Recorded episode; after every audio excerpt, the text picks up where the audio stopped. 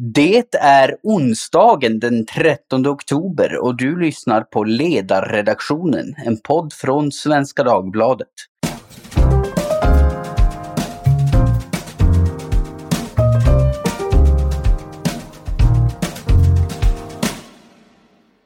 Jag heter Jesper Sandström och idag befinner jag mig passande nog i Malmfälten i norra Norrlands inland. Själv sitter jag i Gällivare dryga tio mil söder om Kiruna vars järnmalmsgruva är huvudämnet för dagens podd. Igår meddelade Mark och miljödomstolen att de avvisar gruvbolaget LKABs ansökan för utökad verksamhet i Kiruna som bolaget har jobbat med sedan 2014. För en utomstående lekman så framstår händelsen som något av en favorit i repris på dramatiken kring Cementas kalkbrytning på Gotland. En utdragen tillståndsprocess där ett sent påkommet avvisande kan komma att få stora konsekvenser för jobb, miljö och klimatomställning. Men vad är det egentligen som händer och vad riskerar konsekvenserna av det här beslutet att bli? Och vad är problemet med att tillståndsprocesserna ser ut så här. Vi ska försöka bena ut det lite grann och med mig för att göra det så har jag två i ämnet insatta personer. Linda Bjurholt, miljöchef på statliga gruvbolaget LKAB. Hej Linda! Hej! Och Maria Suner, VD för Svemin, de svenska gruvföretagens branschorganisation. Hej Maria! Hej Jesper! Trevligt att ni kunde vara med idag. Vi går väl i sedvanlig ordning direkt på de stora och svåra frågorna. Linda, kan du förklara för lyssnarna som kanske inte är superinsatta i turerna kring det här. Vad är det som har hänt? Vad är det ni vill ha tillstånd att göra och varför har den här tillståndsansökan avvisats? Ja, men jag, jag ska försöka förklara det här så, eh, så gott det går. Eh, det är ju så här att den här typen av industriella verksamheter behöver ju tillstånd för att vi ska få, få i, i vårt fall då, bryta och förädla järnmalm. Och mm. eh, i Kiruna så är det så att vi har, eh, vi har flera tillstånd för verksamheten och vi har inte ett samlat tillstånd. Så att eh, någonstans här för sju, åtta år sedan så, så insåg både vi och, och, och de myndigheter som vi eh, som vi har närmast kontakt med, att vi behöver ett samlat tillstånd för, verk för verksamheten. Så att sedan dess har vi jobbat då med att ta fram underlag för det och det här handlar ju om ett, ett jätte, jättestort jobb för den här typen av verksamhet. Och vi lämnade då in en ansökan för att få ett samlat tillstånd för, för den här verksamheten i, i slutet av juni 2018. Och det handlar ju framför allt då om att få ett nytt tillstånd som är prövat enligt miljöbalken och ett samlat tillstånd så att vi har moderna villkor och, och, och så. Men det handlar också om en liten produktionsökning. Mm. Eh, därför att, och, och, och mycket handlar ju det här om att ha någonting som är nytt och sen bygga vidare på det för att vi ska klara av vår omställning som vi ska göra. Hur kom det sig då att tillståndsansökan avvisades av Mark och miljödomstolen?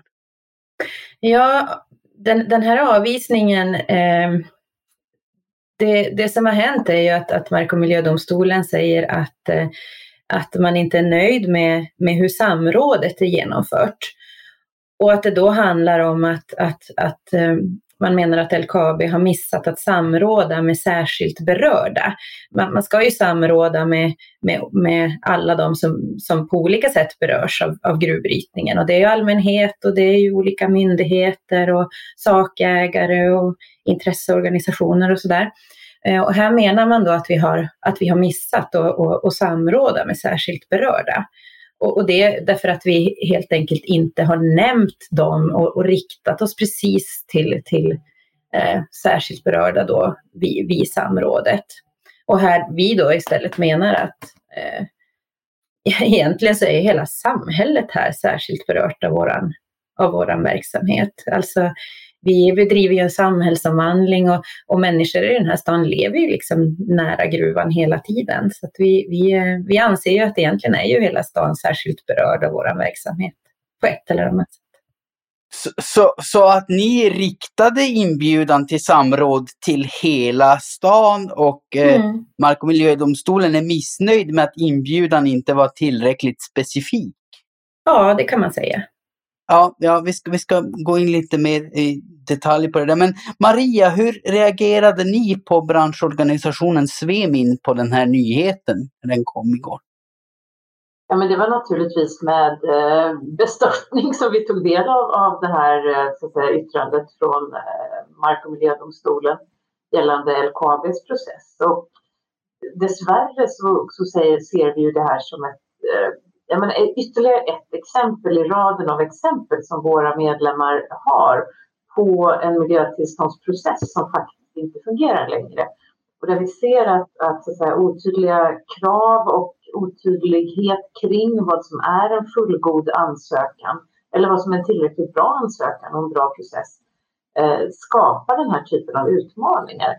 Eh, det är ju egentligen lite grann som, även om det är en lite annan fråga som har, har kommit i Cementa-fallet, så är det ju även där en, en fråga om att man då kanske inte har eh, tillräckligt tydligt eh, talat om vad det är som man faktiskt behöver för att en ansökan ska anses vara fullgod och kunna då bedömas av en domstol. Där blev det också ett avvisande av eh, så att säga, deras ansökan.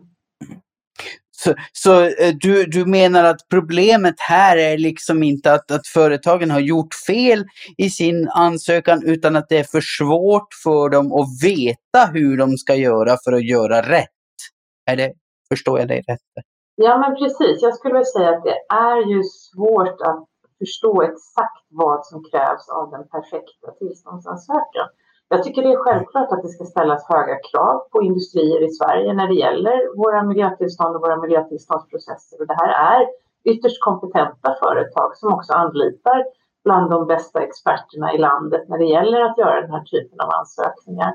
Men det är ändå svårt att få, så att säga, i de här väldigt omfattande prövningsprocesserna, att förstå exakt vad är det som krävs i alla, alla delar. Och här tror jag att det behövs en, en förändring så att man faktiskt gör det mycket tydligare för de sökande. Men också att man får en stöttning av våra myndigheter och domstolar på ett tydligt sätt. Och att man i ett tidigt skede får veta vad är det för kompletteringar som skulle krävas för att den här ansökan ska vara tillräckligt bra. I, i både Cementa-fallet och LKABs fall nu så har ju det här kommit ganska långt in i processen, eh, de här typen av besked.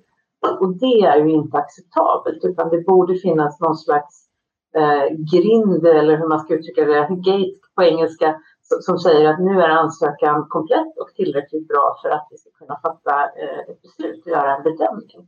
Och det verkar ju inte finnas eh, i dagsläget utan det här kommer väldigt sent i processerna. Mm. Eh, Linda, i ditt första uttalande kring det här igår så kallade du det för ett systemhaveri. Kan du brodera ut lite kring varför ni ser det så och vad det är som hade behövt vara annorlunda på systemnivå?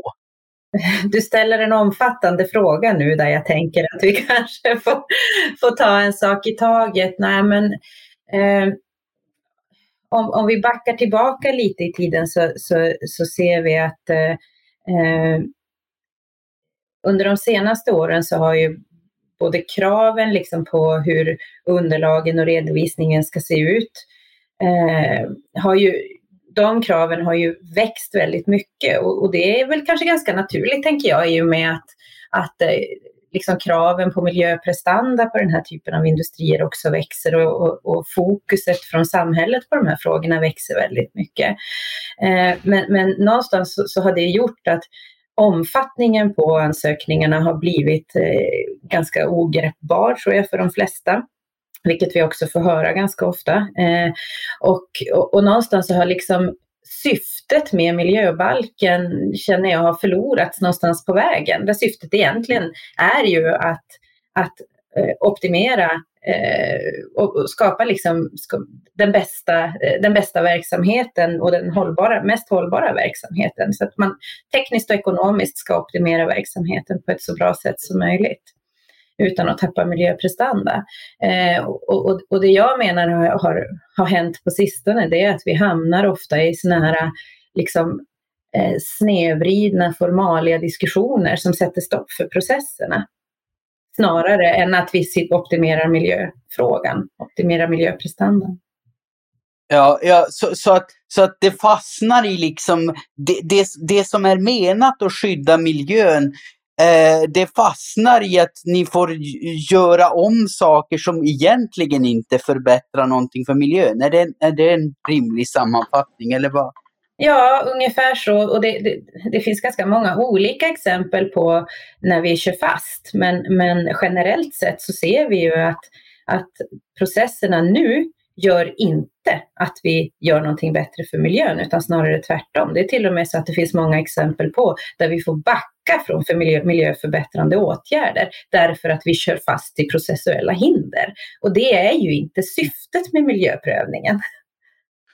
Eh, nej, nej det, det får man ju hoppas. Eh, Maria, Delar ni på Svemin bilden av att det här har, har blivit värre och att, att processerna motverkar sitt syfte? Ja men absolut och det, det har vi nu då flera exempel på tycker jag. Liksom, att, att vi ser hur, hur företagen vill gå fram och göra stora investeringar eh, som är positiva ur många aspekter. Både för, för samhällsekonomi, arbetstillfällen men också för klimatet inte minst. Men när det här då stupar på eh, så att säga, de här miljötillståndsprocesserna, egentligen alla stora tunga industrier där vi nu ser en enorm aktivitet för att faktiskt ställa om och, och göra klimatsmarta investeringar behöver ju tillstånd. Så att de här tillståndsprocesserna är ju helt avgörande. Och det gäller ju inte bara den tunga basindustrin utan också elförsörjningen och annat. Så att de här tillståndsprocesserna måste verkligen effektiviseras och förändras så att vi, vi får en möjlighet att komma igenom med alla de här investeringarna i samhället.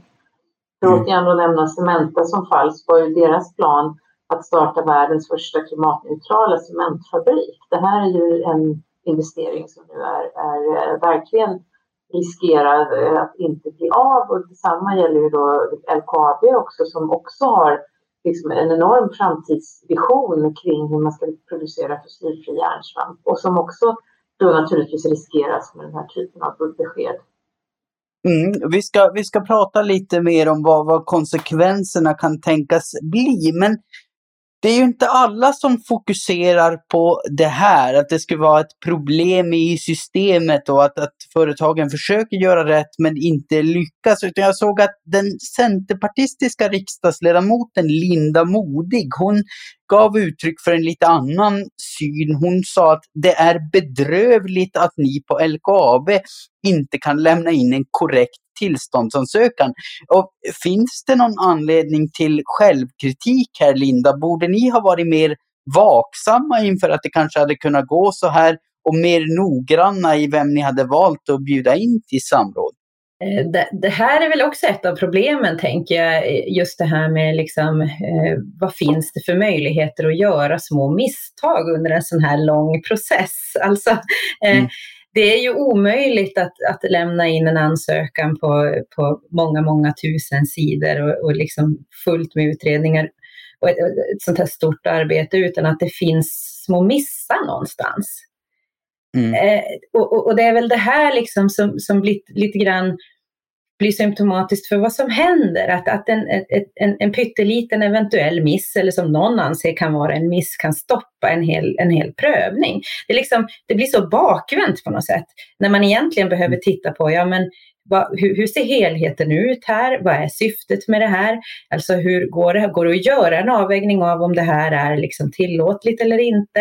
Eh, om det är så att man hittar ett misstag någonstans, är det någonting som går att korrigera eller är det så att det här är faktiskt någonting som är så pass allvarligt att den här processen inte kan fortgå eller att man inte kan bevilja det här tillståndet? Um, och vad gäller det här specifika uttalandet så, så, så kan jag inte säga liksom bakgrunden till, till det. Men eh, det är klart att det finns små misstag, men som helhet så är vi väldigt trygga och nöjda med våra utredningar i den här ansökan. Avvisandet mm. handlar ju inte om, om kvaliteten på underlaget i sig, utan det handlar ju om det här tidiga processsteget i, i, i samrådsförfarandet. Mm, det, det, det, handlar om, om ett enskilt formalia fel, alltså att, att ni har riktat er till en alltför bred grupp i det här samrådet. Mm. Maria, vad, vad, säger du från Svemins sida? Visst, det kanske behöver, finns sånt som behöver ändras på systemnivå, men ser ni någon anledning till självkritik? Är det något ni inom branschen känner igen er i eller jobbar med att ni faktiskt skulle kunna undkomma den här typen av problematik genom att vara mer noggranna i att ni, när ni tar fram era underlag? Ja, men självklart ska den här typen av ansökningar vara väldigt noggranna och eh, gediget genomförda. Det tycker jag är helt självklart. Eh, och det är ju, precis som Linda beskriver, så är de här ofta väldigt, väldigt omfattande de här eh, materialen.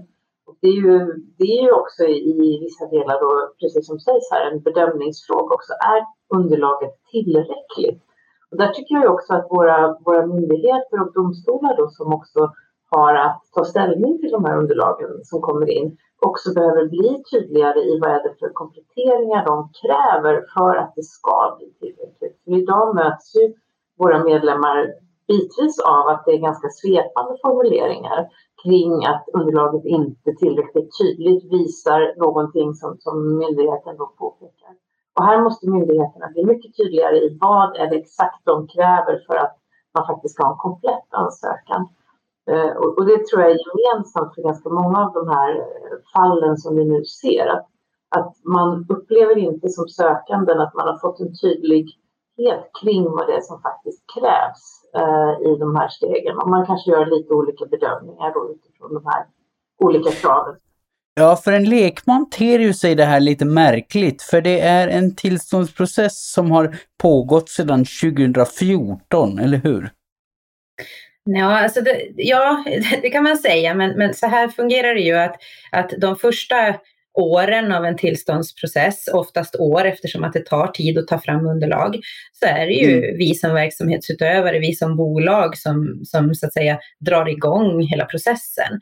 Och vi mm. samråder ju då under den här processen, men in, innan vi samråder så behöver vi ju liksom kartlägga vad är det vi ska samråda om. Vi behöver ju ha en ganska, ganska god uppfattning eh, om vad det är vi ska göra, men, men, men har tagit fram tillräckligt lite så att säga, så att vi ändå ska kunna ta in synpunkter från de intressenter som, som, som vill, vill vara med och tycka till.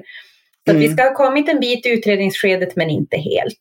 Så att någonstans där 2014 så har vi börjat samla in data och liksom börja avgränsa vad det är vi ska göra för att sen då 2017 kunna samråda och senare då 2018 kunna lämna in ansökan. Så det här är långa processer. Ja, ja, precis. För att det, det, här samrådet som de är missnöjda med nu, Mark och miljödomstolen, det hölls redan 2017 och sen lämnades hela ansökan in 2018. Ja. Och, och har behandlats sedan dess. Eh, men Eh, ja, som du säger, miljötillståndsprocesser tar ju lång tid. Men vore det en lösning att, att, det liksom, att man utvecklade några formella sätt för att göra det lättare att göra rätt? Att, att det fanns någon väg för myndigheterna att mer tätt inpå sådana här samråd säga att eh, eh, nej men hörni, det här blev fel, gör om och gör rätt. Skulle, skulle det vara en väg framåt? Eh, ja men eh, myndigheterna är ju parter i samrådet. Och, och, och, där vi för ju, det är det som, som, som samrådet är till för egentligen, att, att både för, för, för intressanta organisationer och allmänhet och särskilt berörda, men för myndigheter också då som eh, att, att både vägleda oss i, i omkring vad det är vi ska göra, men också att vi liksom har en god dialog omkring är det den här utredningsstrategin vi ska, vi ska använda oss av? Ser vi på att det är samma stora frågor som vi behöver fokusera på lite extra och sådär? Det är ju den dialogen som, som, som ska försiggå i samrådet. Har den inte varit tillräcklig? Hade den kunnat vara bättre och på så vis leda till att man undvek ett sånt här sent avvisande? Ja, jag tror ju att, att det finns en stor potential i att utveckla samråden och samrådsförfarandet. Att vi, att vi där vi skulle, tror jag, kunna komma lättare igenom processerna ifall vi lägger mer energi på samrådet. Jag tror att det finns en, en, en bra nyckel där att att skapa mer samsyn eh, i samrådsskedet än vad vi gör idag. Vad säger du Maria, håller du med om eh, det Linda säger här? Ja, men samråden är ju väldigt, väldigt viktiga som förberedelse för de här tillståndsprövningsprocesserna. Och, och det vi också ser som en, en, nödvändig nyckel i det här, det är ju att vi behöver ett väldigt aktivt deltagande från våra myndigheter i de här samråden att de tidigt i processen kommer in med de synpunkter och invändningar som de har. Och så att den som är då det sökande företaget kan, kan svara på de frågorna som myndigheterna har. Och att det här borde vara ett absolut krav på myndigheterna att de ska delta i samråden. För det ser vi ju tyvärr också exempel på hur myndigheter som inte har deltagit på ett aktivt sätt i samråden ändå har invändningar och synpunkter och kanske till och med yrkar på att, att ansökan ska avslås eller avvisas i senare skeden i processen. Trots att man då inte har fött in de här synpunkterna tidigt. Så att samråden är jätteviktiga och de är en viktig nyckel till vår demokratiska process eh, för att, att skapa den bästa miljötillståndsprocessen som vi kan ha eh, i Sverige.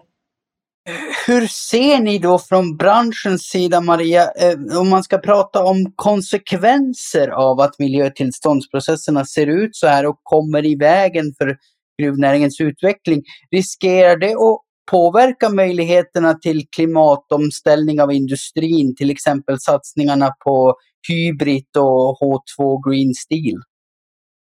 Ja, men för det första så, så, är det ju naturligtvis allvarligt för gruvnäringen i sig. Att vi ser att, att Sverige faller ju på internationella rankingar i investeringsklimat och attraktivitet till exempel. Och, och vår bedömning är att det i mångt och mycket beror på de tillståndsprocesser som, som våra företag möter. Eh, och det är naturligtvis väldigt allvarligt i sig, för här är ju en, en näring där vi i Sverige har en fantastisk potential med eh, många viktiga mineraler i vår berggrund men sen ser vi också hur vi är starten då på de här värdekedjorna som du själv påtalar.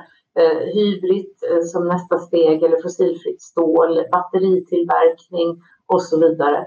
Och kan vi liksom inte nyttja hela den här möjligheten som vi har att skapa och bygga de här hållbara värdekedjorna så missar ju Sverige en, en, en jättestor möjlighet till utveckling och också att bidra till klimatomställningen i ett globalt perspektiv.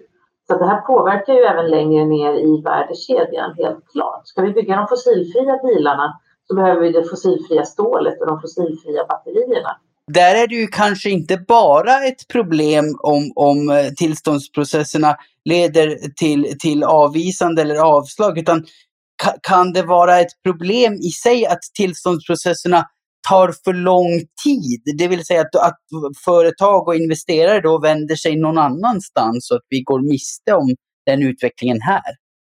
Ja, men så är det naturligtvis. att eh, Det vet vi ju att det också finns i historien företag som aktivt väljer att inte investera i Sverige eh, av det här skälet. Eh, ytterligare ett annat medlemsföretag till Svemin, Boliden, har ju tydligt pekat på att den investering som de nu gör i Norge, som är den största i Norges historia, eh, på land eh, i en industriell satsning i Odda, den har ju naturligtvis kommit till därför att där finns möjligheter och man ser att där kommer man fram eh, i de här tillståndsprocesserna. Vilket man har upplevt att man då inte gör när det gäller att vidareutveckla vissa delar av sin gruvverksamhet i Sverige. Eh, så att här har vi ju liksom Sverige riskerar ju tyvärr att missa eh, många viktiga investeringar genom att de här processerna tar för lång tid. Linda, vad säger du? Vad, vad ser ni för tänkbara konsekvenser på LKAB av att systemet ser ut som det gör idag? Ja, nej, men vi, vi ser det som Maria beskriver, eh, även för våran del, även om vi har befintliga verksamheter som fungerar. Men vi har ju vid ett par tillfällen nu eh, hamnat i situationer där vi har faktiskt på riktigt varit nära att behöva stänga ner verksamheten. Eh, och det är klart att, att, att, att vara i den osäkerheten och, och, och, som ett företag som LKAB som har levt i 130 år och nu står inför en jättestor industriell omställning där vi vill vara föregångare och, och, och, och liksom skapa förutsättningar även för resten av världen att liksom producera CO2-fritt stål, så är det klart att då kan inte vi stå inför den osäkerheten att vi behöver stänga ner våra verksamheter. Det skulle hindra oss från att finansiera den omställning som vi står inför. Om man då ska vara lite djävulens advokat här så kan man väl säga att ja men ni är ju branschföreträdare. Det är klart att ni bara vill ha det så enkelt som möjligt att bedriva eran verksamhet de här ändringarna som ni föreslår på systemnivå, går det att genomföra dem och samtidigt värna och skydda allt det som dagens miljölagstiftning är tänkt att skydda? Linda, vad säger du om det? Ja, nej, men det är vi övertygade om att det går att göra. Eh, och det, som jag sa tidigare, så som systemet ser ut nu, så ser ju inte vi att det främjar miljöprestanda hos oss, utan snarare tvärtom. Och, och det vi står inför, det är ju att liksom både klara av eh, att hantera påverkan på närmiljön, men också den påverkan som vi har på, på eh, klimatet. Och vi är helt övertygade om att det här går att göra, men som processerna ser ut idag så så fungerar inte det just nu. Nej, nej. Och Maria, vad säger du? Går det att göra de ändringar ni önskar er och samtidigt skydda det som dagens miljölagstiftning vill skydda? Ja, men det är jag helt övertygad om att det går. Jag menar, vi jobbar i Sverige har vi ett väldigt högt eh, hållbarhetstänk från våra företag. Och jag ser att det absolut är möjligt att både effektivisera processerna och att ha det här höga miljöskyddet. Sen så måste vi också vara ärliga med att, att vi människor och, och, vår mänskliga aktivitet på olika sätt påverkar vår miljö. Och därför kan man ju inte heller sätta likhetstecken mellan att all form av påverkan eh, innebär en skada eller är orimlig att acceptera. Så att vi måste ju också hitta en, en miljölagstiftning som har eh, rimliga nivåer vad gäller det här och hur vi kan jobba med kompensatoriska åtgärder och med annat på andra sätt också i vår miljö för att skydda det vi vill skydda faktiskt. Så att, menar, här måste vi hitta rätt avvägning också.